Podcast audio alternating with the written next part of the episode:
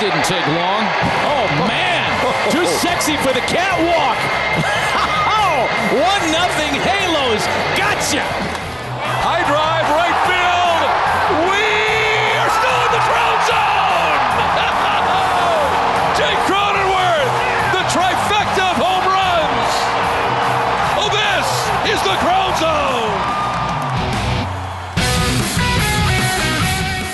Het was de week van de eerste sticky stuff controles op het veld. We hebben alle memes langs zien komen. We hebben alle filmpjes van Rob Friedman en van de verschillende nieuwe Twitter-accounts die ontstaan zijn om het sticky stuff probleem te volgen. Allemaal gezien. Het was weer een druk bewogen week in Major League Baseball. En daarom praten wij vandaag bij Just a Bit Outside, Sport MLB podcast in aflevering nummer 140 over alles wat er de afgelopen week, anderhalve week in Major League Baseball is gebeurd. Dat doe ik, Jasper Roos, vandaag met Mike van Dijk. Hallo. En Sander Grasman. Hoi Jasper. Sander zit uh, tussen de verhuisdozen en die heeft eventjes een uurtje de tijd gevonden om met ons over honkbal te praten. Maar die moet zo meteen weer druk terug, denk ik, uh, mevrouw Grasman helpen met alles uh, in te pakken, of niet? Zeker, dus als er een echo, er staan hier allemaal verhuisdozen om me heen, dus excuseer me voor de echo. Ik denk dat de luisteraars je, je toewijding absoluut waarderen. Dat je tussen al dit, uh, al dit gedoe en deze verhuisstress uh, tijd maakt om met ons over honkbal te praten. Uh, guys, sticky stuff. We hebben het beginnen bijna elke uitzending de laatste paar weken met nieuwe informatie rondom de sticky stuff. Dit is dan ook deel 3 van het hele gedoe. Want de afgelopen week gingen de tussentijdse checks, waar wij het vorige week al over hadden, in. En dat wil zeggen dat tussen de innings door en het eind van innings enzovoort enzovoort en bij wissels uh, werpers gecheckt worden op het gebruik van substances. En dat is volgens mij niet even vlekkeloos gegaan overal, Mike. Nee, uh, zeker niet. Met name de, de pitchers reageerden af en toe uh, ja, zeer expressief, laat ik het dan zo duiden, uh, op het uh, feit dat er een scheidsrechter naar hun toe kwam gelopen om te kijken wat er in hun handschoen zat of uh, op, een, op een petje zat. er was zelfs een werper, Sergio Romo, die zijn broek ongeveer tot op zijn enkels liet zakken. Ehm, en ja, Max Scherzer was ook erg, erg gepikeerd. de, eigenlijk de eerste man die ongeveer gecontroleerd werd, was ook daar is hij dan weer leider in. Jacob de Grom. En uh, uh, ja, die uh, gooide gewoon de volgende inning 100 mijl per uur ballen. Dus nee, het is alleen maar weer mooi dat, dat hij zich bijvoorbeeld er niks van aantrekt. Maar het, ja, het, het, het oog gewoon vreemd. Het ziet eruit als een security controle op een vliegveld. Maar dan op een honkbalveld van een, van een werper. En je ziet duidelijk dat dat werpers het, het hier niet helemaal mee eens zijn en de wijze waarop het gebeurt niet helemaal kunnen waarderen. Nou, vooral Scherzer was inderdaad erg, uh, erg pissig. Maar Scherzer was natuurlijk een ander verhaal, want die werd natuurlijk door uh, de Phillies op een gegeven moment uh, drie keer gecontroleerd. Dat Girardi zei, hey, controleer hem nog maar een keer. Of controleer zijn haar, of weet ik wat. Want ze dachten dat hij gel of zo, of spul in zijn haar had zitten. dus Scherzer was wel behoorlijk, behoorlijk boos en die zocht even wat ruzie met de Phillies. Ja. ja, ik, ik, ik zag de John Boy breakdown daarvan en... Ja, het, het, is natuurlijk heel veel, drie keer. Maar er was ook wel enige reden om aan te nemen dat er misschien iets niet in de haak was. Want hij begon ineens al heel veel aan zijn pet te zitten. Of, ineens, dat weet ik eigenlijk niet. Want dat is de breakdown knippen ze natuurlijk ook wel zo. Maar hij zat heel veel aan zijn pet vlak daarvoor. Dus op zich hebben ze misschien gedacht van... Nou, hij is nu twee keer gecontroleerd. Hij denkt uh, het nu al te kunnen. En hij gaat ineens heel veel aan zijn pet zitten. Ja, maar het zou heel stom zijn natuurlijk. Ik bedoel, als Scherzer... Ja, zeker. Ik bedoel, die weet dat er bovenop gezeten wordt bij iedereen. En dan zou hij nu ineens heel erg aan zijn pet gaan zitten. Dat is natuurlijk niet... Uh, is, ik denk dat hij slimmer is dan dat. Het is, ik vind het op zich wel grappig om te zien hoe iedereen er eigenlijk verschillend op reageert. Ik bedoel, Romo, je zei het al inderdaad, Mike die liet zijn broek inderdaad zakken.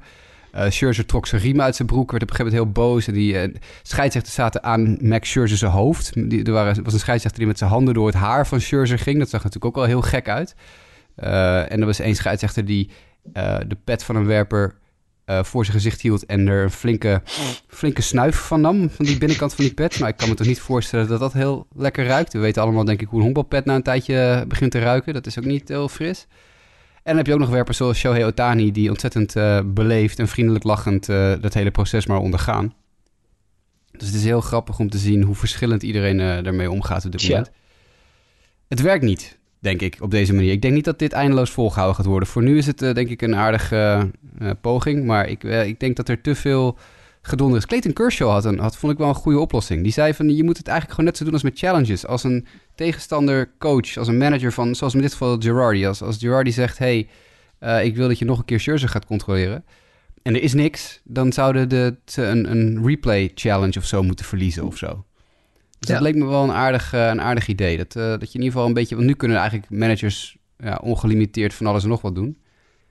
Je moet er nou een soort straf op zetten, denk ik. Precies, je kan wel... Uh, laten we zeggen dat Joe Girardi under the skin van Max Scherzer was gegaan, uh, zeg maar, uh, met, met uh, drie keer vragen om een, om een controle. En dat is natuurlijk wel een beetje, ja, dan, dan, dan probeer je het spel denk ik ook alweer te beïnvloeden of juist een werper echt uit zijn ritme te halen door hem te laten focussen op andere dingen. Ja, dus dat is, dat is denk ik wel echt iets on, onwenselijks. Overigens was Manfred afgelopen dagen nog een keer in het, in het nieuwsniveau had een interview gegeven bij de Draft Combine. Waarin hij zei van uh, hoe zit het, hoe, er werd hem gevraagd hoe zit het nu eigenlijk met dit hele verhaal van, van die substances en, en waarom de timing. En hij zei van nou ja, weet je, voor ons is het meer een, een, een, een, stap in een langer proces. We hebben voor het seizoen aangekondigd, dit valt ons op. We gaan hierop controleren, wees je ervan bewust. En ze hadden al gedacht dat dat al een, een, een, een reden zou zijn dat, dat clubs al zouden minderen in gebruik. Uh, toen kwam, je had natuurlijk ook die, die Angels-man die gepakt was op die, die diverse middelen leverde aan, aan werpers. Dus zij zeiden eigenlijk van ja, dit was op een gegeven moment waren er een, een aantal meer controles al geweest, een aantal keer. En ja, op een gegeven moment moet je dan een, een streep trekken. En was dit voor ons zeg maar een logische stap om te doen. Dus hij vond het niet zozeer maakte ik uit zijn woorden op oneerlijk richting de pitchers dat je dan in één keer tussentijds uh, uh, iets verandert. Hij zegt meer van ja, de clubs waren al gewaarschuwd, dus waarom heb je als pitcher daar dan niet aan de voorkant uh, aan, aan meegewerkt of geprobeerd het niet te gebruiken? Maar het gaat bij MLB altijd zo knullig dat het. Dat je dan zegt, als je erop gaat controleren, dat je het in de gaten gaat houden. Nou, dat impliceert dat je er dus ook wat aan gaat doen als je dan iets constateert, dan moet je toch een scenario hebben klaar liggen. Wat als het aan de hand is, wat als je het gaat doen. En het is nu weer zo. Ja, er, lijkt toch geen idee achter te zitten. Dus het, het, gaat zo chaotisch. En je weet gewoon dat dit weer gaat gebeuren. Dat pitchers hier uh, bezwaar tegen gaan hebben. Dat zij hier misbaar gaan maken als het, als het moet gebeuren.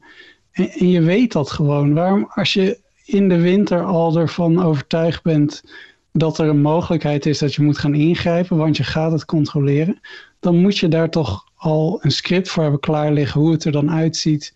Dit is plan B als ons iets opvalt en dan grijpen we in. Ja. Maar dat, ja, dat zie ik er niet aan af. Ik heb het idee dat er nu gewoon een soort spoedvergadering is geweest nadat het eh, wel heel erg veel ophef kwam. En dat ze nu met een soort een noodscenario werken waar ze geen idee hebben wat het precies gaat doen en hoe het in de toekomst gaat zijn. En dat vind ik heel raar als je het gewoon, het is al een publiek geheim van weet ik veel hoeveel jaar. Je kondigt specifiek aan dat je er iets gaat, aan gaat doen. Of in ieder geval in de gaten gaat houden. Weet dan ook wat je eraan gaat doen als het niet bevalt wat, wat je aantreft als je het in de gaten gaat houden. Ik vind dat heel raar. Ja, vind ik ook. Het is, het is wat dat betreft gewoon uh, een, soort knee-jerk reaction weer geweest. En ik denk dat alles ook draait om de, om de CBA-onderhandelingen van deze winter. Want daar gaat natuurlijk ook nog heel veel gedonder van komen. Ik maak me daar inmiddels grote zorgen over. Dus uh, ik, ik, denk dat MLB er alles aan doet om op het laatste moment te doen alsof ze overal van op de hoogte zijn en overal over mee willen denken. Maar ik denk niet dat dat het geval is. Manfred is wat dat betreft ook wel een meester in uh, het, het scheve marketing. Wie wel echt ongelooflijk veel kritiek kreeg de laatste anderhalf, twee weken... is Tony Clark, de president van de Major League Baseball Player Association... Uh, die uh, echt heel slecht is in zijn werk. Dat wisten we al een tijdje, maar het viel nooit zo op... want hij hoefde nooit zo vaak iets te doen of op te treden... en dat moet hij nu wel. En dat doet hij niet goed. Tony Clark is gewoon eigenlijk helemaal niet goed. Het is gewoon een, een marionet van, van Manfred... terwijl hij juist natuurlijk... Hey, je bent vakbondspresident... Je moet, je moet af kunnen reageren richting MLB. Je moet de kant van je spelers kunnen kiezen. En dat doet Tony Clark bijna niet. Dus ineens is er ja, de, de ondergrondse protestborreling... Uh, die al een paar jaar tegen Tony Clark uh, ja, tekeer gaat eigenlijk... begint nu een beetje naar boven te komen en echt ook naar buiten te komen. Dus ik heb ook sterk vermoeden dat we binnenkort wel eens een keer... een nieuwe president van de Player Association kunnen krijgen. Ik denk dat er een paar spelers al nadrukkelijk naar solliciteren voor na hun spelerscarrière. Een, uh, Max Scherzer bijvoorbeeld. Maar gaat dat dan voor de onderhandeling nog gebeuren, denk je? Dat denk ik niet. Nee, ik denk niet dat ze dat nog, uh, nog last minute kunnen doen. Dat wordt nog een probleem. Ik denk dat de spelers uh, Tony Clark heel erg kort willen gaan houden. En dan heb ik het vooral voor de spelers die dus in de player council zitten. En dat is dus bijvoorbeeld ook weer Max Scherzer, is er daar een van. Daniel Murphy zat er tot een paar jaar geleden ook nog in, maar die is inmiddels volgens mij pleiten. Maar dat soort jongens die dus de Players Council soort van, ja, dat is een groepje spelers dat uh, de Player Association kort houdt. Zo van, hé hey jongens, nu doen jullie niet wat het beste is voor ons, maar nu doen jullie het beste wat is, nu doen jullie wat het beste is voor jezelf of voor MLB. Dus ik denk dat er een soort driehoeks oorlog gaat ontstaan tussen de Players Association en Major League Baseball en de Players Council. Maar goed, dat, uh, laten we hopen dat ik daar een beetje te pessimistisch over nadenk. Uh, laten we doorgaan, jongens. Want we hebben het al even gehad over de, de, Phillies en het Girardi-incident. Wat overigens dat John Boy-filmpje wat Sander aanhaalt, erg de moeite waard. Heel grappig. Want Kevin Long is de hitting coach bij de Nationals tegenwoordig. En uh, uh, dat is de, ja, de rechterhand geweest van Girardi bij de Yankees heel lang. Dus die, die zaten een beetje tegen elkaar te schreeuwen en te schelden. Ik moest vooral, ik weet niet welke coach het was, maar er zat één coach aan de zijkant bij de Nationals in de dugout die heel erg sarcastisch naar Girardi zat. Oh, hold me back, hold me back, hold me back. Want die vond dat Girardi echt ontzettend overdreven deed. Uh, een heel, heel erg leuk filmpje om te kijken. Maar goed, de Phillies dus. Uh, Aaron Nola, afgelopen nacht 10 strikeouts op een rij. Of gisteravond eigenlijk, niet, uh, niet eens in de nacht. Um, dat is het record. een evenaring van het record. Tom Seaver, onlangs overleden, had het record in handen alleen. En nu is Aaron Nola zijn tweede. Ik geloof dat het Michael Conforto, nee, Pieter Lonzo was, die een twee honkslag sloeg, waardoor de 10 strikeouts op rij werden onderbroken. Klopt dat? Ik dacht Francisco Lindor.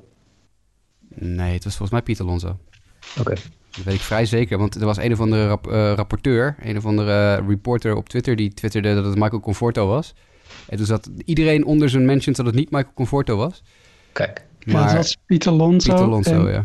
Lindor sloeg een double uh, in de eerste inning voor, voordat ja. hij begon. Precies, okay. ja. Het was een heel gek begin. Het was een hit by pitch, double. 10 strikeouts op rij, double. Ja. Volgens, mij, volgens mij was dat het. Dus uh, dan was het inderdaad Pieter Alonso en niet uh, zoals uh, een of andere New York beatwriter tweette Michael Conforto. Dan ben je beatwriter van een organisatie en dan kan je je spelers niet uit elkaar houden. Dat is ook altijd een toppie joppie. Het was niet eens Bob Nightingale, dat scheelt dan weer. um, ja, dit is een nieuwtje natuurlijk. Nola, goede pitcher, wisten we allemaal. Het is vooral opvallend dat dit gebeurt natuurlijk zo kort na de crackdown voor sticky stuff. Dat zou dus betekenen Precies. dat Nola niet zo heel erg erbij betrokken was. Oeh, ja, dat zo gaan we zover? Ja, nee, ja. Uh, ik, ik, ik zie alleen dat er in, in, in, in City Field goed geworpen wordt, zowel door de thuisploeg als de uitploeg. ja, het is in dit geval wel raak, ja, inderdaad. Goedemiddag. Ja, Met tien strikeouts, man. Dat is wel echt ja, super. Tenminste, ik kan er echt zo van genieten als je dat dan, dan ziet. als, een, als een werper dat zo in een groove zit op dat moment. Ja, dat is top. Ja, ze zeggen wel eens hitting is contagious, maar misslaan is blijkbaar ook contagious. Want als je eenmaal begint mis te slaan als team, dan stapelen de strikeouts zich uh, meestal aan een rap tempo op. Ja. Dus de, zeven swinging strikes, hè? Ja, moet je nagaan. Ja, dus de, de Mets uh, moeten wel even achter hun oren krabben waarom ze geen adjustments kunnen maken tijdens de wedstrijd en, uh, en dit soort dingen kunnen voorkomen.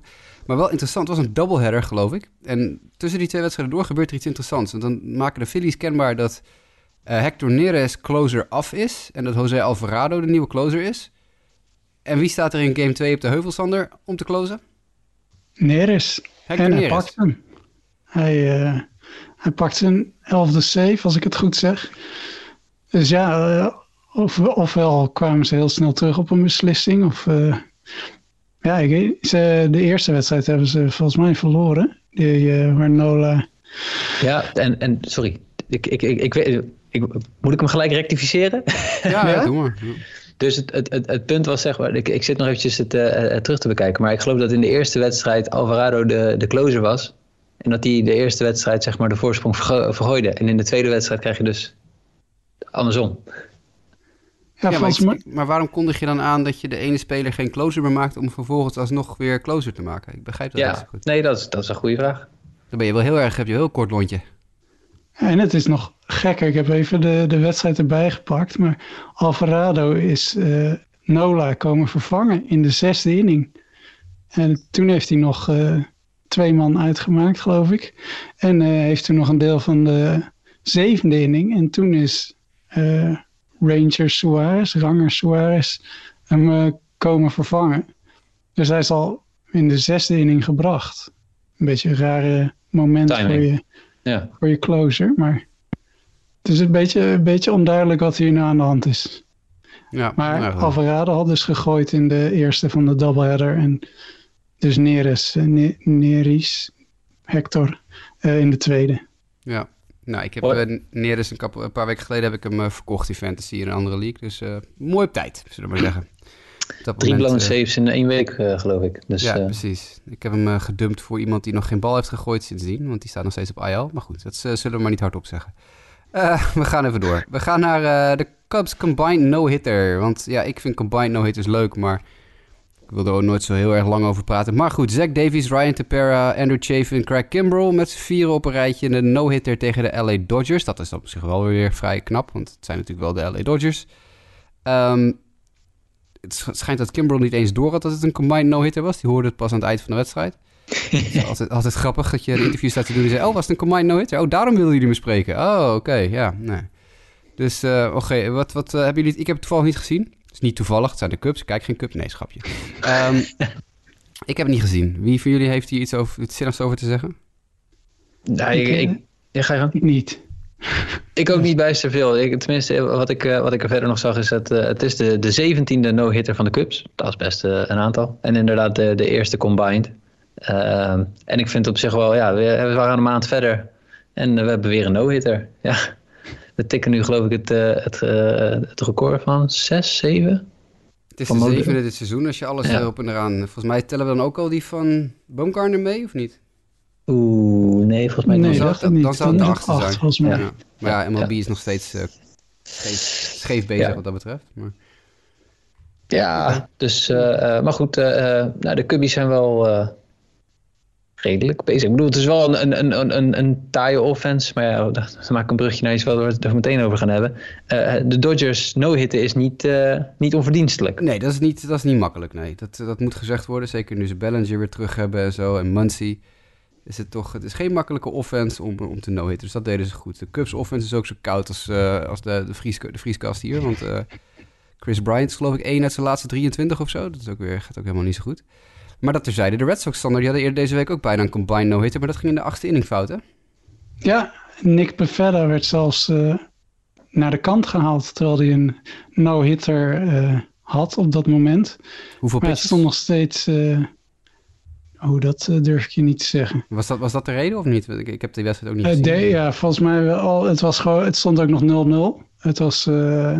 uiteindelijk heeft Tampa Bay het volgens mij dat was een walk-off. Of de volgende wedstrijd was een walk-off. Maar met 1-0 gewonnen, volgens mij in de negende. Ja. Uh, maar ja, het was dus gewoon, het was gewoon spannend. Ja, dan, dan kan je je man wel erop houden. Maar ja, hij koos er dus voor om de ref te halen.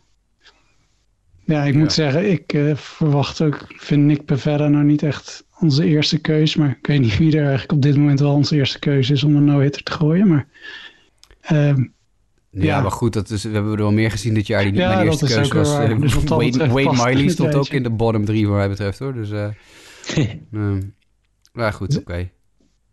Het zij zo.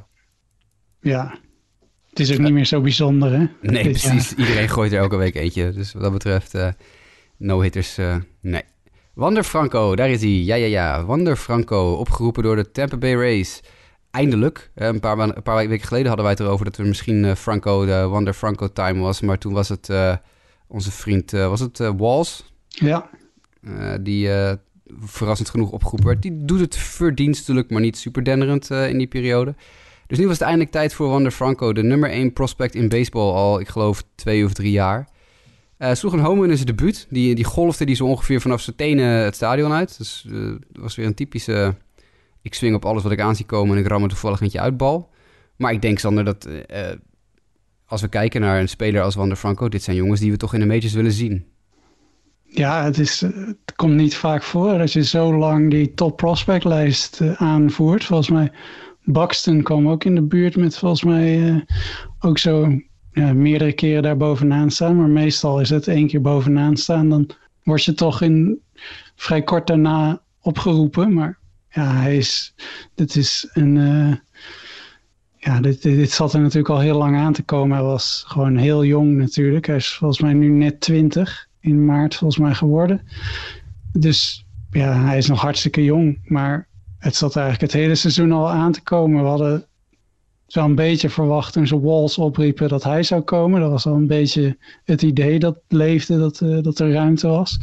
En nu is hij er dan. En uh, ja, goede eerste wedstrijd. Daarna is het een beetje stilgevallen. Maar ja, dat kan natuurlijk uh, gebeuren in je eerste wedstrijd een home run slaan. Is natuurlijk een, een prachtig, prachtige binnenkomer. En ik vind, ik weet niet, weten jullie hoe de vader van Wander Franco heet? Volgens mij heet hij ook Wander Franco. Die heet Wander Franco. En weten jullie hoe de broers heten van ja, Wander Franco? Wander Franco en Wander Franco. Ja, en hoe het zoontje, want hij is dan al twintig, maar hij heeft al een twee jaar oud zoontje. Hoe die, die heet? ongetwijfeld Wander heten. Wander Franco, ja. ja het zijn een bijzonder creatieve familie. Ja, en weet, maar, je, weet je wie zijn oom is? Eric en Willie Ibar. Eric en Willie Ibar, inderdaad. Ja, zijn oom is, uh, of ze, ze, ja, volgens mij zijn oom, hè? Willie Ibar is zijn oom, Eric Ibar is zijn oom. Ja, volgens mij zijn dat broers van zijn moeder. Ja, precies. Dus dat, uh, het is weer een heel, maar inderdaad, ja, de hele club heet Wonderful. Dus het was ook hilarisch in fantasy. Want er schijnen dus echt, ik geloof dat op een gegeven moment, uh, na dat nieuws, de eerste, het eerste uur hebben tenminste 197 mensen de verkeerde W Franco op fantasy uh, opgepikt.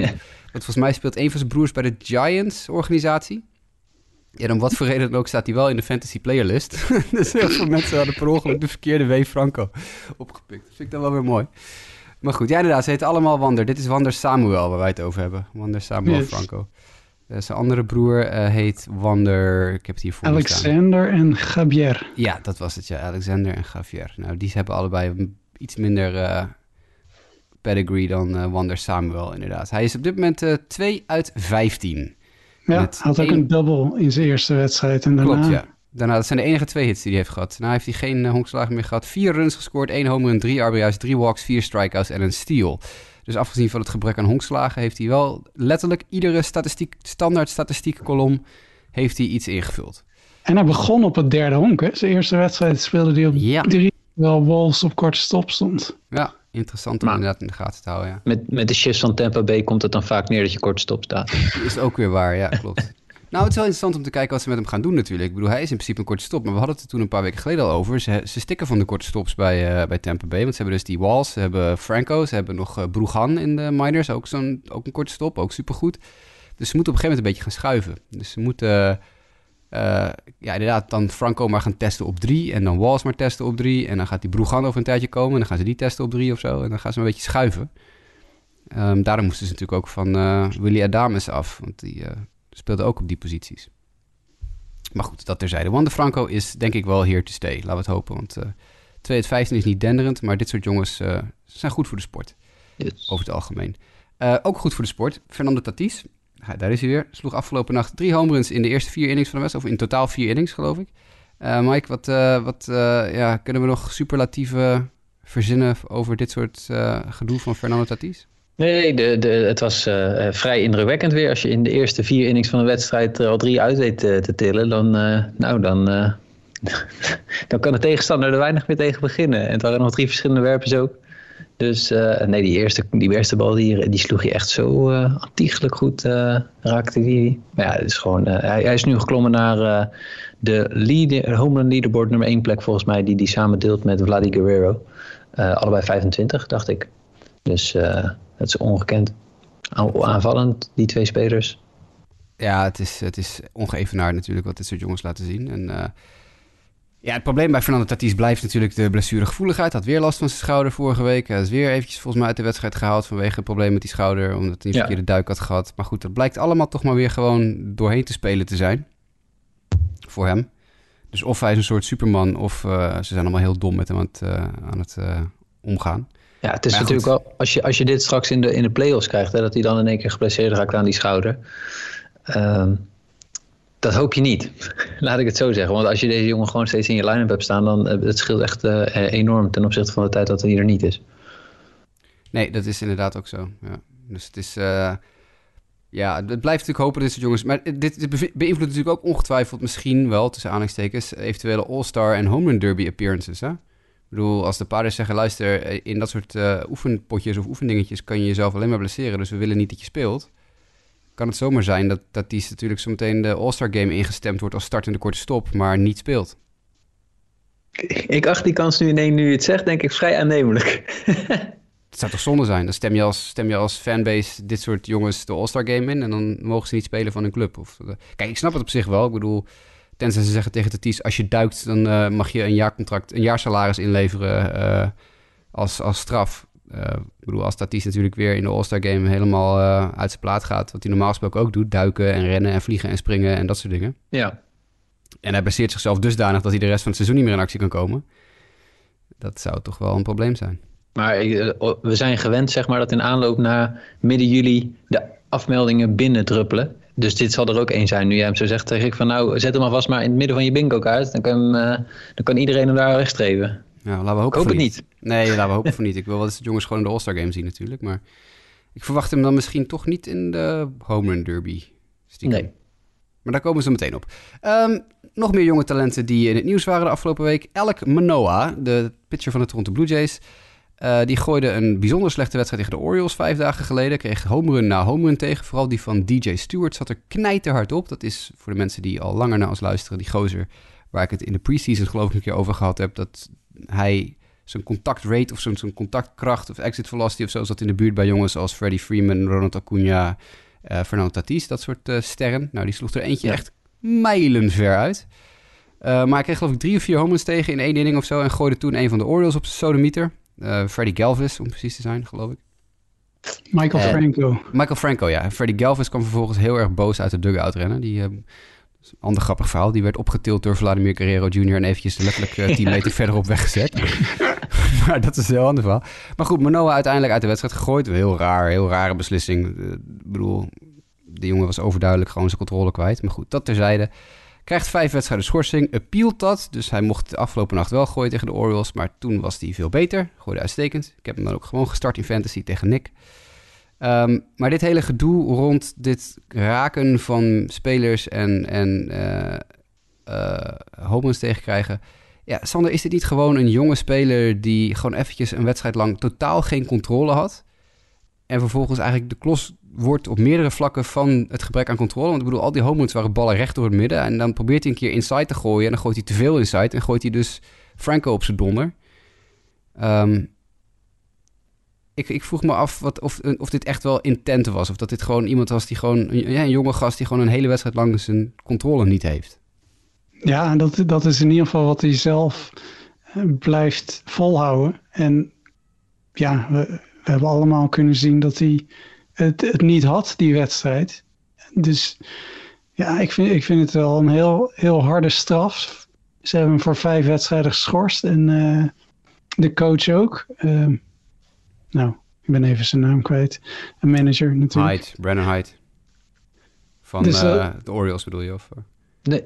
Of van nee, Montoya. Montoya, Montoya van de Blue Jays Montoya. en Hyde van de Orioles. Ja. volgens mij hebben ze Montoya ook uh, ja. geschorst. Ja. ja. Terwijl, ja, die, die, die, die, had ook gedonder, hè? Hyde en Montoya, die hadden ook ruzie. Ja, maar... Waarom? Ja, ik, ik, vraag me af of ze dit bij uh, een grote...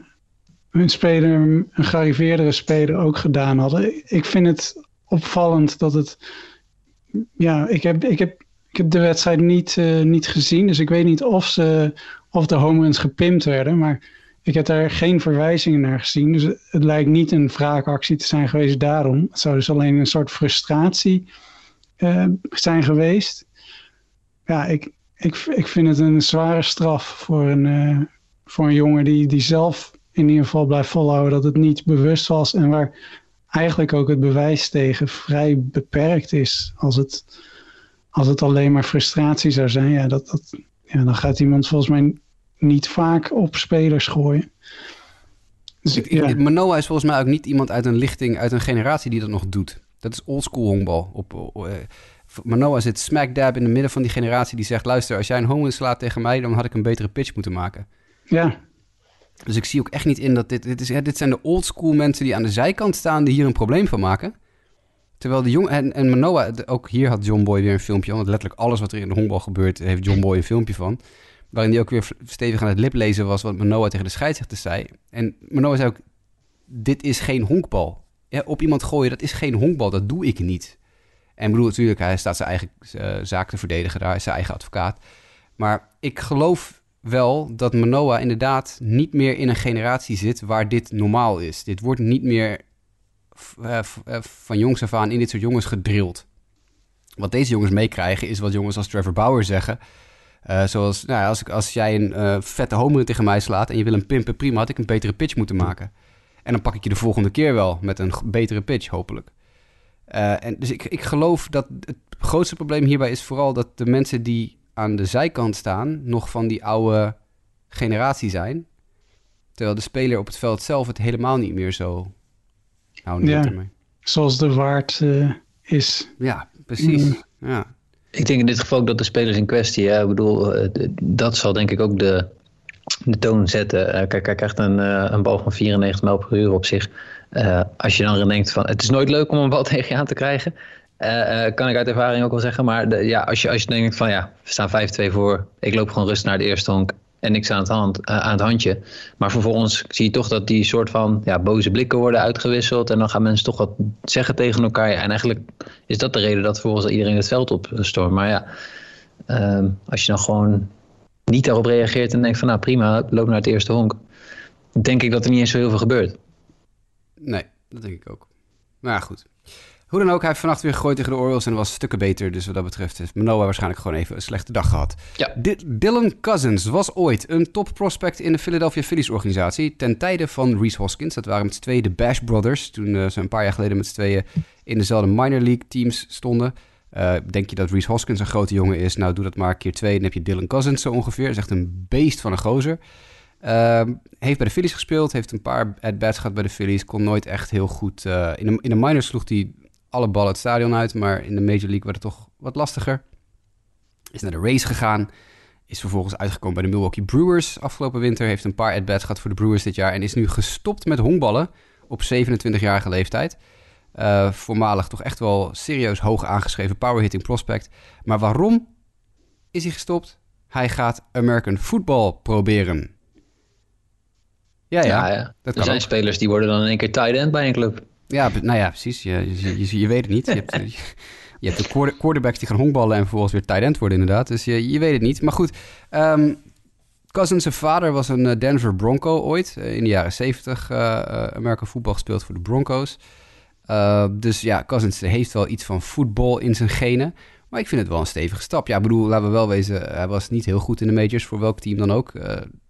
Maar dat wil niet zeggen dat er natuurlijk geen talent in deze jongen zit. Hij was een two-sport star in high school en college.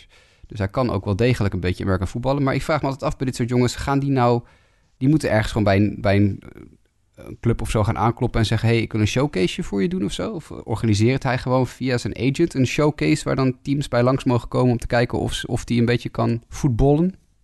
Ja, ik, uh, ik heb geen idee hoe dit proces in zijn werk gaat. Waarschijnlijk zal het veel via contacten gaan. En misschien dat hij een, uh, een, een, zaakwaarnemer organisatie heeft die toevallig ook toe sport is. Dat, dat weet ik niet. Maar dat zou hem mogelijk wel kunnen helpen aan het, aan het krijgen van een kans. Want het lijkt me toch vrij lastig als iemand een jaar of acht een sport niet gespeeld heeft. In ieder geval niet op een, in een wedstrijdcontext. Uh, dat je dan nog die, die overstap maakt. Ik vind het wel bijzonder.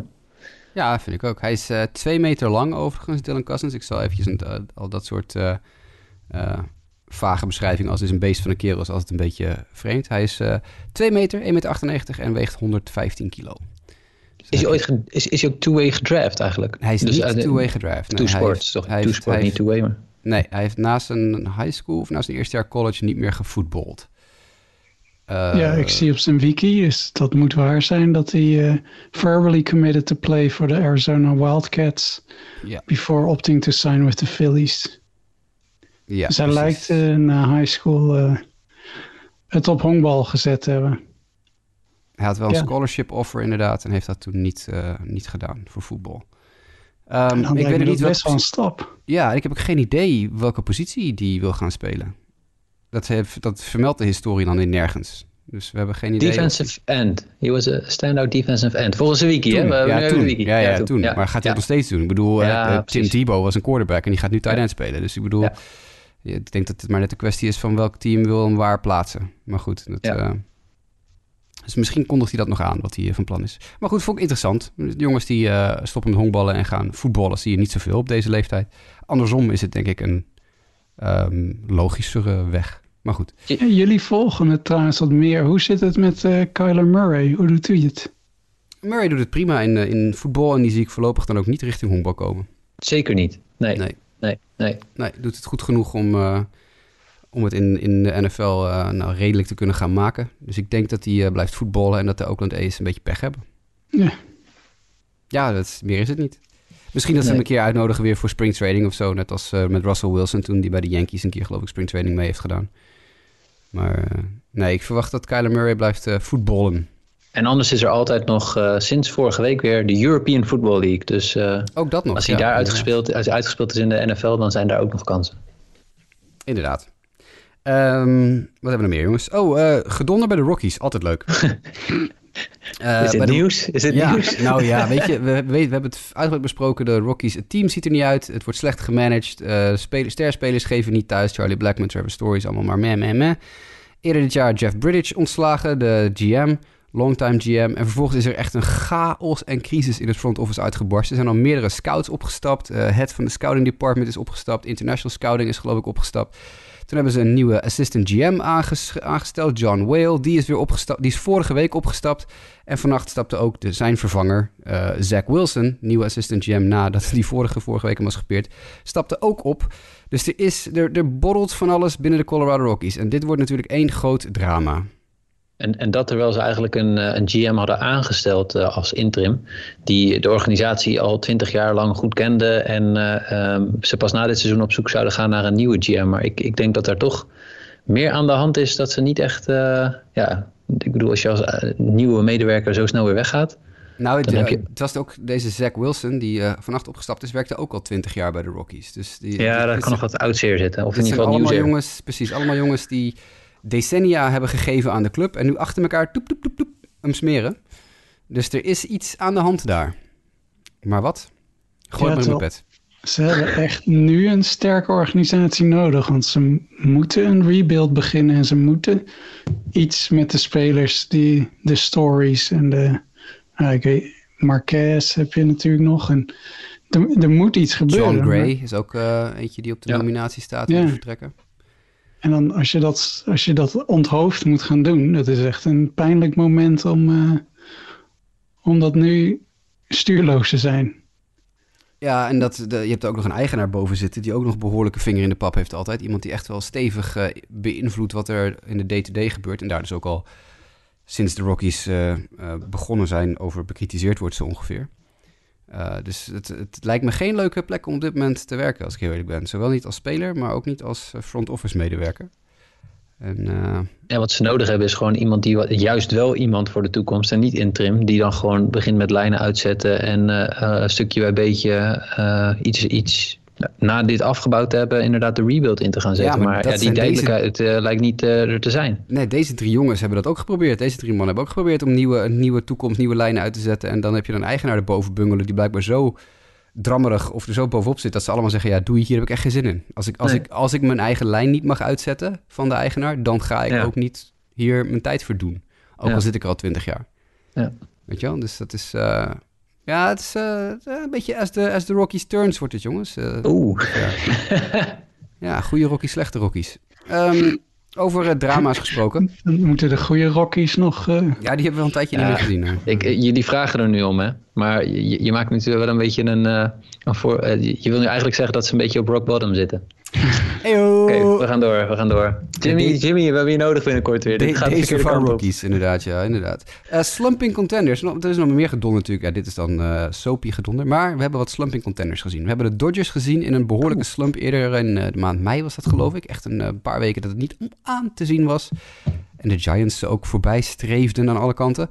Uh, de Padres werden vervolgens een paar weken uh, zaten ze in een klein slumpje. Toen kreeg ik nog uh, een, een, tweet, een tweetje uh, van, even spieken wie het ook weer was, Martijn van Zuilen. Die mij een paar weken geleden op Twitter vroeg, wat is er aan de hand met de Padres? Want ze waren zo goed bezig en nu is het een tijdje echt helemaal niks. Uh, dat was 17 juni.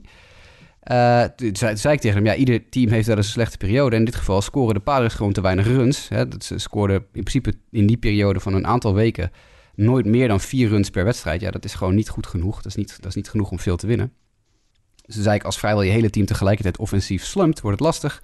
Maar het trekt er weer bij, want er zit talent genoeg. Nou, toen merkte Martijn van Zuilen afgelopen nacht op, of gisteren op, dat het inderdaad uh, wat beter is gegaan. Twee sweeps, de Dodgers en ook uh, de Diamondbacks worden erop ge, eraan geregen op dit moment. Dus de Padres zijn inderdaad weer wat bijgetrokken. Maar dan heb je dus twee contenders in de National League die een uh, behoorlijke slump achter de rug hebben. En dan kijk je naar de American League, daar zitten de Chicago White Sox op dit moment in een afzichtelijke reeks uh, aan wedstrijden. We hebben het bijzonder, bijzonder moeilijk tegen echt heel slechte teams. De Pirates werden met moeite 1 uit 2 verslagen. De, de Mariners die sloegen afgelopen nacht de boel weer helemaal gort. Uh, natuurlijk een paar slechte periodes tegen, tegen betere teams gehad. Dus ook de White Sox zitten in een dramatische reeks. En dan komt eigenlijk altijd de vraag, hoe los je dat nou als organisatie op? Kijk naar, eh, even naar de Dodgers, de Padres, de White Sox. Hoe dat opgelost is, hoe het eventueel opgelost moet worden. Hoe, hoe doe je dat? Hoe, hoe los je dit nou, als je in zo'n slump zit, hoe los je dat als organisatie op? Ja, ik denk de, de vinger op de pijnpunten leggen en kijken waar je dat, uh, hoe, je, hoe je vervangers daarvoor gaat halen, hoe je beslissingen nemen om het weer te rechten. En het is natuurlijk ook wel gewoon een golfbeweging. Uh, zoals je al zei, uh, dat als je offense in een slump zit, dan hoef je niet per se nieuwe, nieuwe spelers aan te trekken. Dan kan dat gewoon ook bijtrekken. Je, je kan ook gewoon vertrouwen op de kwaliteit die je in je selectie hebt. Maar bij sommige, bij sommige teams is het denk ik eerder een. Uh, ja, toont het aan waar, de, waar het knelt. En nou, bij de White Sox zijn het denk ik ja, de blessures. Dat, uh, daar kan je denk ik niet omheen. Uh, bij sommige teams, bij San Diego, is het denk ik ook, dat hebben we ook in, volgens mij aan het begin van het seizoen gezegd, hun offense blijft net iets achter, denk ik, bij de Dodgers. Hun pitching is hartstikke goed, maar hun offense nou, is misschien niet helemaal uh, op het niveau van, uh, van de Dodgers, White Sox als ze fit zijn. Dus ja, dat, daar zou je, zij zouden versterking kunnen halen voor, voor de offense misschien. En uh, ja, zo zijn er ook teams waarbij de pitching dan nu toch al blijkt enigszins achter te blijven. En die daar zouden. Er zijn natuurlijk teams, Colorado, uh, Arizona zal uh, hun beste spelers misschien willen verkopen. Nu dat nog kan, Pittsburgh. Er zijn teams waar natuurlijk versterkingen zijn op te halen. Als, als bij een team echt blijkt dat, dat, dat er leemtes zijn in de, in de line-up, dan is dit natuurlijk het moment. Het grootste opvallende bij de Padres vond ik dat er eigenlijk... Die ploeg is een beetje uit de slump gekomen. Die, die slechte periode was eigenlijk gewoon door een massale slump. Iedereen in het team was op een gegeven moment even vergeten om te slaan. En toen heeft Jake Cronenworth, die echt een waanzinnige twee weken achter de rug heeft...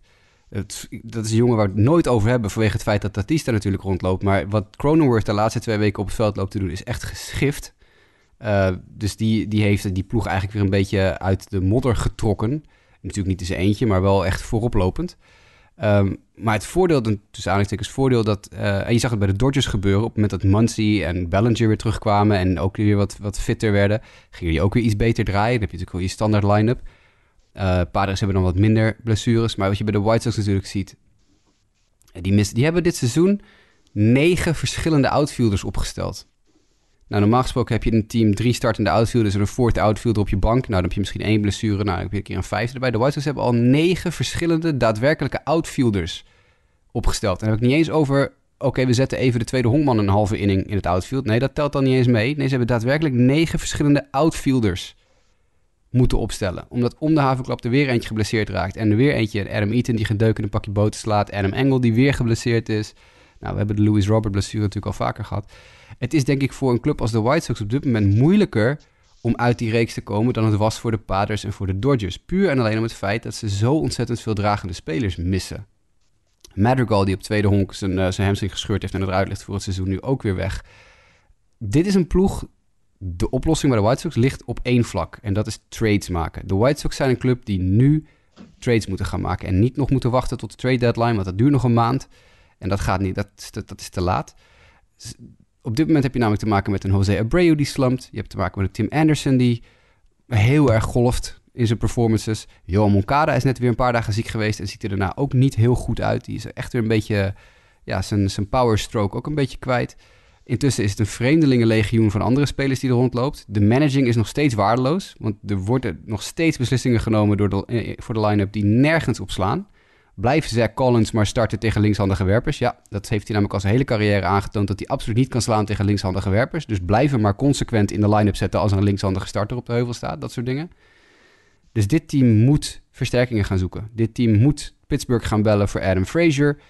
Uh, dit team moet de Diamondbacks gaan bellen voor Eduardo Escobar. Helaas, toen ze van de week uh, volgens Bob Nightingale met Escobar en de Diamondbacks aan het onderhandelen waren, kreeg Eduardo Escobar een MRI. Hoe zit het met die MRI, uh, eh, Mike? Jij bent Oeh. de Diamondbacks je begrijpt dat gegeven de huidige omstandigheden ik uh, af en toe uh, dit soort blessures mij ontgaan omdat het echt gewoon nog slechter is dan normaal. Dus ik zou even niet weten wat de actuele status is van Eduardo Escobar. Nee, dat is gewoon weer natuurlijk hilarisch. Bob Nightingale dropt dat, want we weten allemaal, Nightingale is, uh, die zit in, de, in de broekzak bij Jerry Reinsdorf van de White Sox. Dus die, die lekker regelmatig wat naar Nightingale, dan gooit hij het weer op Twitter en dan heeft iedereen het daar weer over.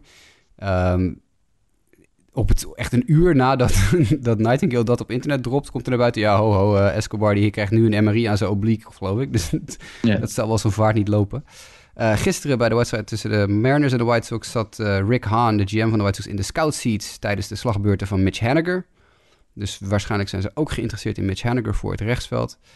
Dus ja, er moeten nu trades gemaakt worden. Er moeten, we hadden allemaal, we uh, White Sox fans hadden allemaal de hoop dat we vorige week uit Pittsburgh zouden vertrekken met Adam Frazier. Maar dat is helaas niet. Daar ben ik altijd gek op bij honkbal. Van die trades dat je dan een speler van de ene naar de andere dugout ziet lopen en een ander uniform aan ziet trekken en dan verder ziet spelen.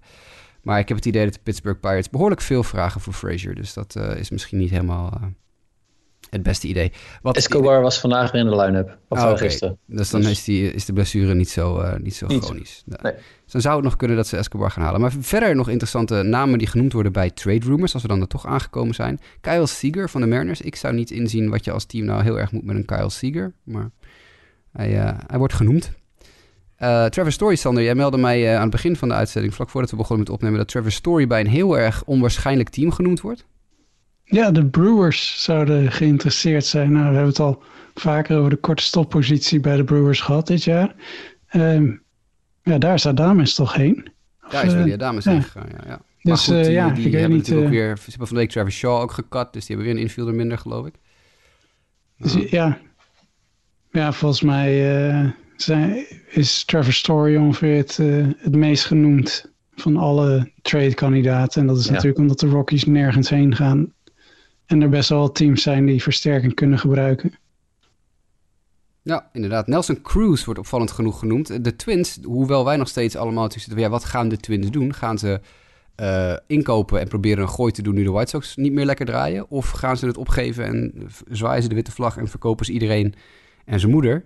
Nelson Cruz wordt genoemd als iemand die in de interesse zou staan van de Tampa Bay Rays. En ook pitchers J.A. Happ en Michael Pineda worden genoemd als uh, targets voor de St. Louis Cardinals, die op zoek zouden zijn naar starting pitching. En die zouden dat willen zoeken in de AL Central, want die hebben dus zowel Happ als Pineda, maar ook Matthew Boyd van de Tigers op hun lijstje staan, naar verluid. Uh, ik weet niet of dat nou allemaal supergrote upgrades zijn. Als ik de Cardinals was, dan zou ik 100% voor Matthew Boyd gaan en niet voor die andere twee. Want we weten allemaal hoe ik denk over J.A. Happ. Uh, dus dat is misschien niet de meest voor de hand liggende versterking. En de laatste die ik vol interessant vond was Joey Gallo, die in de interesse van de San Diego Padres zou staan. Nou hebben de Padres inderdaad niet heel veel linkshandige powerbats in de line-up. Dus dat ja, wel... Ze kunnen wel wat offense gebruiken. Dus... Nou, ik, ik, denk dat dat wel een interessante move is. Het is ook een typische Padres move. Die natuurlijk door de jaren heen heel vaak van dit soort nog relatief jonge jongens uh, aangekocht hebben. In de hoop dat er dan een soort omslag plaatsvindt of zo. Of dat er uh, de, de, verandering van scenery of zo uh, iets, iets doet. Dat hebben ze natuurlijk gedaan met, hoe heet onze grote vriend ook alweer? Outfielder Will Myers. Soms dan duurt het even voordat ik een naam me kan herinneren. Die hebben ze ook op vrij jonge leeftijd al binnengeharkt. En die hebben ze natuurlijk ook een beetje laten ontplooien. Dus misschien dat Gallo daar wel weer heel erg in de, in de AJ Preller mold past. Het wordt interessant om in de gaten te houden, denk ik wel. Want ik denk dat er wel flink wat trades gaan, gaan komen. Nou ja, en eh, wat je net zegt, de Padres en je begon een stukje ook met de Dodgers. Het boeiende is natuurlijk wel, de Dodgers staan uh, er niet slecht voor. Die hebben tot aan de All-Star break een redelijk makkelijk schema, ook nog wel uh, qua tegenstanders. Ze zijn in veel categorieën, qua pitching waren ze tot aan de checks van afgelopen maandag de nummer 1. Daarna komen ze tegen San Diego worden ze gesweept. En het boeiende is ook natuurlijk in die zin wel dat als je kijkt naar de record van de Dodgers tegen de teams die over 500 stonden op dat moment, is geloof ik 16, 22 of 16, 23. Oftewel, de Dodgers winnen wel van de slechte teams, maar hoe goed zijn ze één op één tegen de goede teams? Ehm, en met name tegen San Diego is het op dit moment denk ik wel advantage uh, naar San Diego. Ja, dat denk ik ook. Als je kijkt naar hoe de, de, goede, de, de goede pitchers van de Dodgers moeite hebben met de Padres. Ja. Uh, jongens als Bauer en zo. Dat, uh, dat is wel ja, is iets om in de gaten te houden. Hey guys, we gaan het uh, langzaam afronden. We hebben nog één dingetje te doen eigenlijk. We hebben het al even kort gehad over de Home Run Derby. Uh, Shohei Otani en Piet Alonso hebben zich al aangemeld voor de Home Run Derby. Maar Vlad Guerrero Jr. heeft zich afgemeld. Dus die komt er niet. En dat is jammer, want ik had echt uh, mijn favoriete lijstje voor Home Run Derby. Er stonden deze drie, alle drie op. Um, wie, wie zouden we nog meer willen zien? Sander, wie zou jij nog meer in de Home Run Derby willen zien? Ja, uh, lijkt me verstandig voor hem als hij die, die even aan zich uh, voorbij zou laten gaan. Maar uh, Devers is goed bezig. Acuna, weet, ja, laat die, de jonge honden het maar eens uitvechten. En dan, ja, dat is zo, zoveel mooie Jordan Alvarez misschien. De, Oeh, die is ook leuk. Die stond niet op mijn lijstje, maar dat is wel een leuke. Ja. Ja, de Houston is in uh, bloedvorm, helaas, moet ik ja. zeggen. Maar uh, uh, ik geloof niet, het zijn vooral jongens als Correa is natuurlijk ook heel goed bezig. Maar Alvarez, Garcia, Adolis Garcia, ik weet niet. ja, had ik ook op mijn lijstje. Dat is natuurlijk ik, mooi. Ik wil entertainment, weet je wel. We hebben het jarenlang gehad dat het niet echt entertainment was. Het begint natuurlijk steeds beter te worden met de nieuwe formats en zo die MLB iedere keer weer uitvindt. Ik wil entertainment zien. Ik wil de, de, de bommen van home runs zien. Ik wil de, de, de, de kleurrijke spelers zien. Dus inderdaad, de, de Acuña's, de Tatisse.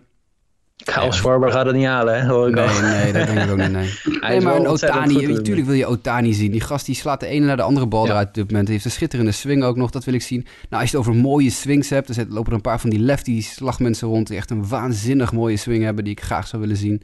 Uh, dan heb je nog natuurlijk jongens als... Uh, ja, de flashy jongens, dat is Jermien Mercedes, die slaat al anderhalve maand geen deuk in een pakje boter nee, in de wedstrijd. Maar, maar ja, kan die in batting practice er 30 uitslaan? Ja, dat het kan wel. En hij is natuurlijk wel hartstikke flashy. Maar goed, hij zou misschien volgende week zit hij niet meer in de Major League. Dus dat is een ander punt. Um, wie heb ik nog meer? Dat soort, dat soort jongens wil ik echt wel... Ja, Max Muncy, zou, die is geen jonge hond meer. Maar ik zou hem wel bijvoorbeeld graag in de home run derby willen zien. Lijkt me, ja. lijkt me best wel echt een typische home run derby kandidaat. Ja. Dus dat soort jongens zou ik wel echt fantastisch vinden. Dus ik ben heel benieuwd wie ze, wie ze gaan, uh, gaan gebruiken. Meestal is het 4-4, hè? 4 de American League, 4 de National League. Ja, volgens mij was dat vorig jaar een beetje losgelaten. Volgens mij was het vorig jaar voor het eerste keertje dat het best wel 6-2 of zo was. Oh, nou, ik ben, kan, ben benieuwd. Meen ik mij te herinneren. Benieuwd wie ze eraan toe gaan voegen. En, dan ah, en, geen, judge, nog... en geen judge of zo dan? Jawel. Ja, Judge is natuurlijk leuk vanwege het feit dat hij, dat hij enorme bommen slaat. Maar ik vind Judge een heel saaie speler. Ik vind het geen... Ja, okay. kijk, hij is zo ontzettend aan alle kanten voorbijgestreefd door niet één of twee, maar 10, 12, 15, 20 andere spelers die veel flashier zijn, die veel uh, uitgesprokener zijn. Judge is eigenlijk heel saai. Die zegt nooit wat. Goeie ja. honkballer. Ik bedoel, laten we vooropstellen, als hij fit blijft, want dat blijft hij eigenlijk nooit uh, een heel seizoen, maar als hij fit blijft, is hij een goede honkballer. Wel iemand natuurlijk die het al een keer gewonnen heeft, dus dat zou een keer nog uh, als soort titelverdediger of uh, comeback titel dinges leuk zijn. Maar ja, misschien wel. Ik, ik, wil gewoon ik wil entertainment zien. En natuurlijk aan de ene kant home runs zijn entertainment, maar ik vind het ook leuk als ze tussendoor allemaal gekke dingen lopen te doen.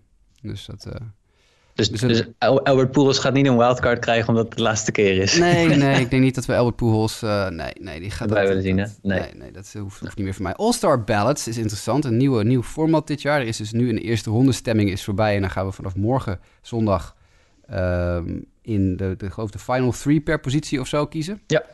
Uh, maar ja. wij hebben natuurlijk allemaal ons uh, All-Star Ballot voorafgaand aan die nieuwe, uh, dat nieuwe format hebben wij ingevuld. Ik ben wel benieuwd. Sander, wie heb jij in de American League op het eerste honk? Daar heb ik Vlad Guerrero Jr. staan. Ik denk dat, dat wij die alle drie wel hebben. Mike? Ja, ik heb nog niet, ik heb niet gestemd, maar ik, ik, ik, ik zou het, dit is een unanieme. Dit is geen, ik hoef niet over te twijfelen. Ja, ja, ja American precies. League tweede honk, Sander. Ik had daar eerder dit seizoen, uh, toen, konden, toen we voor het eerst konden stemmen, had ik daar Semyon staan.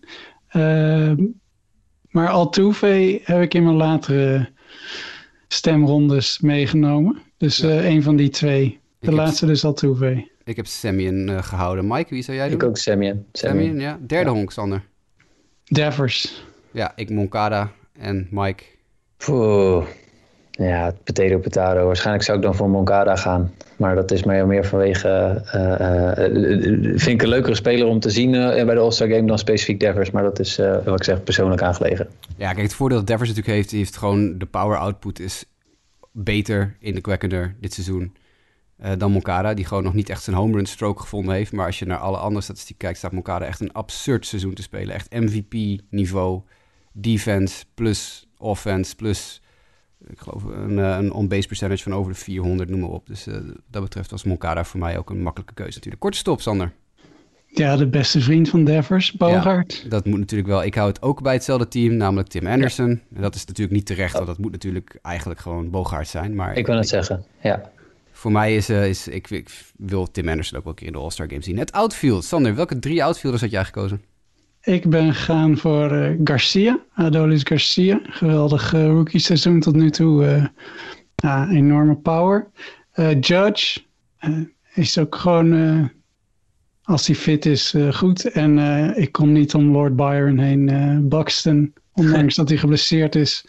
En waarschijnlijk niet mee gaat doen. Maar een hart onder de riem voor als hij weer beter is. En ja, toch een van mijn persoonlijke favorieten. Ja, ik heb, eh, ga met je mee in Adolis Garcia en Aaron Judge. Dat ik ook, eh, Ba- Buxton heeft voor mij veel te weinig gespeeld om een stem te kunnen krijgen in de All-Star Game. Hij is veel te lang geblesseerd geweest. Dus ik heb voor Teoscar Hernandez gekozen van de Toronto Blue Jays. Die ook een tijdje geblesseerd is geweest, maar minder lang dan eh, onze goede vriend eh, uit Minnesota. Mike? Waar is de liefde voor Cedric Mullins? Ja, dat was mijn, eh, mijn, mijn toss-up. Het was voor mij, het ging het tussen Teoscar en, eh, en Cedric Mullins. Oké. Ja, volgens mij heb ik voor Mullins ook wel eens. Ik, ik heb nu gewoon mijn eerste stembiljet, want die heb ik op Twitter gedeeld, erbij gepakt. Maar ik heb in latere rondes ook voor Mullins gekozen. Ja, voor mij zou het zijn Mullins, Judge en ik denk inderdaad ook Adolis Garcia.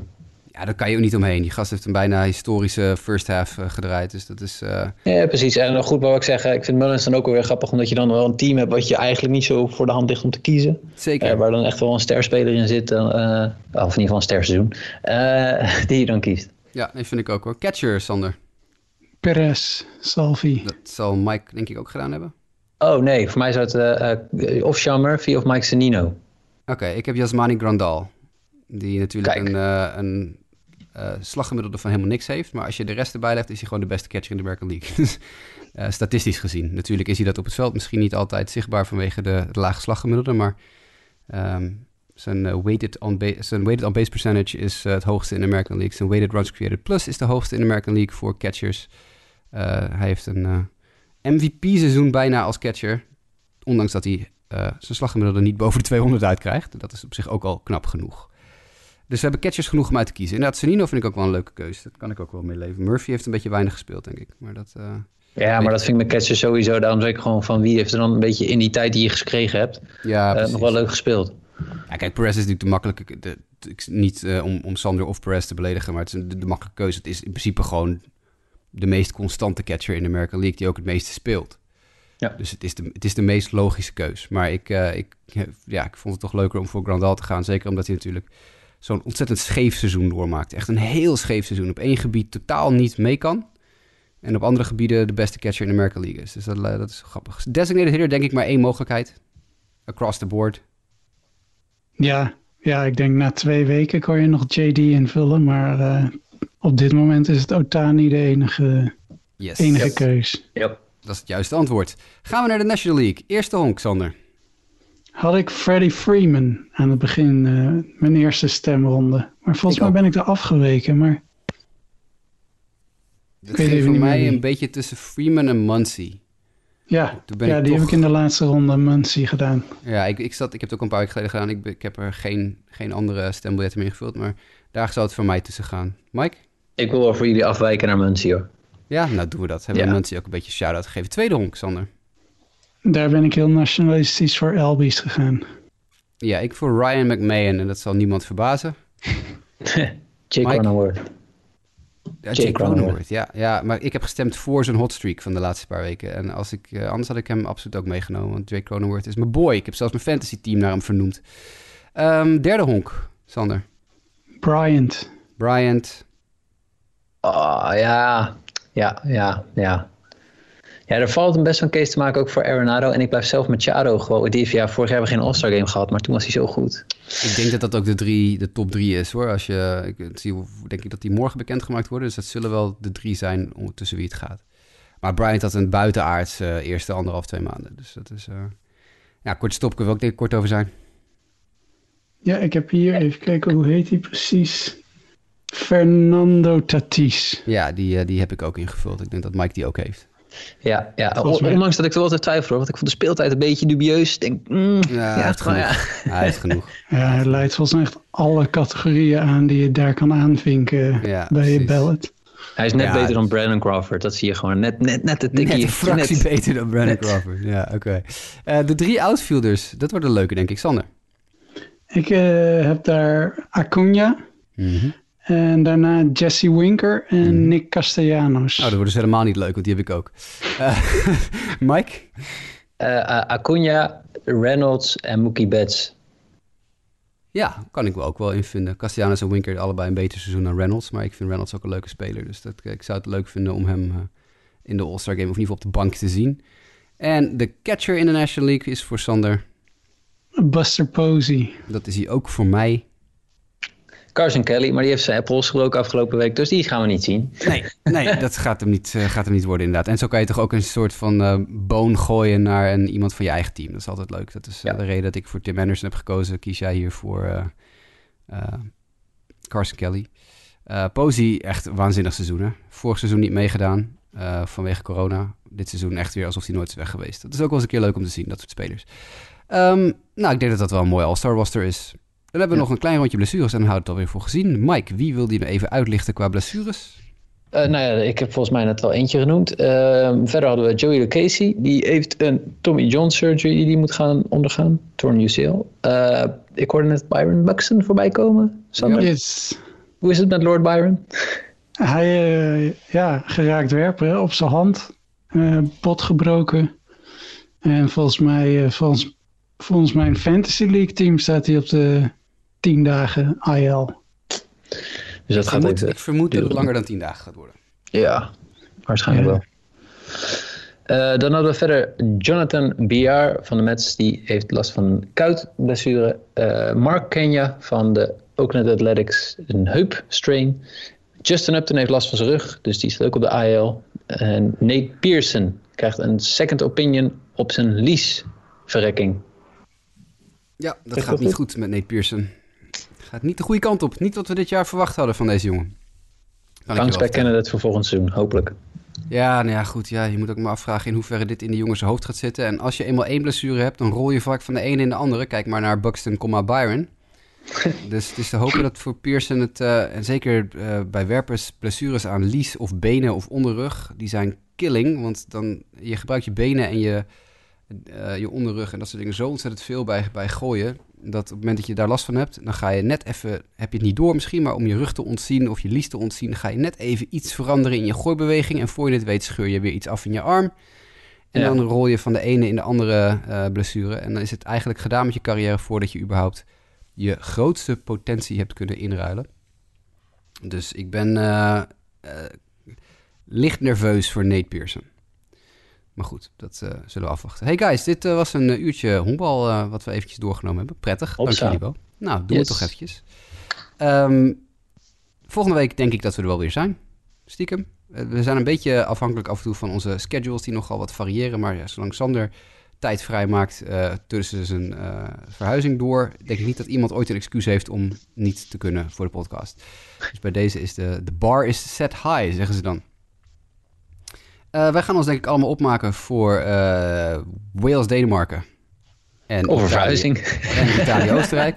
stiekem denk ik dat Sander tijdens de verhuizing nog wel een, uh, een schermpje aan heeft staan en Wales-Denemarken gaat kijken. Ja, een, een, doosje boeken inpakken moet wel bij de tv kunnen, toch? Dat lijkt mij ook, ja, dat lijkt mij ook. Ja. Ik zou zeggen, hup Denemarken. Niks tegen Wales, maar hup Denemarken. Want als Nederland dan morgen ook nog wint, heb ik in mijn poeltje de kwartfinale goed voorspeld. Namelijk Nederland-Denemarken. Dat levert weer heel veel punten op. Dus dan sta ik misschien weer in de top drie. Uh, voor nu jongens, hartstikke bedankt voor jullie tijd. Hartstikke bedankt voor jullie aandacht. Luisteraars, ook hartstikke bedankt voor het wederom downloaden van deze show. Aflevering 140 was het alweer. Wil je met ons praten, kan dat via uh, Twitter vooral. Want daar zijn we eigenlijk de hele dag door. Voor Sander, Grasman, SD. Voor Mike, Mdijk90. Voor Justin, die vandaag afwezig is, JWKF. Voor mij, Jasperoos. Wil je met Sport Amerika praten? Dat ben ik ook. Maar goed, dat maakt niet zoveel uit. Kan je Sport Amerika kan je mee, uh, mee twitteren, want daar zit ik, uh, zit ik ook achter. onder andere. Uh, Facebook.com slash sportamerika kan je ons ook nog bestieren. En justabitpodcast.gmail.com, maar die bekijk ik niet zo heel vaak. Dus als je heel dringend ons wil spreken, dan Twitter is the way to go. Hebben jullie nog iets toe te voegen, guys? Nee. Nee. It's a wrap. That's a wrap. Tot volgende week. The 1-1 pitch. Hit in the air. Left field. Back goes Peterson. At the wall. It's gone. It's A.J. Pollock. Laddie, it's it high and deep to center, and this is a long one over the hitter's eye in deep center field. Wow.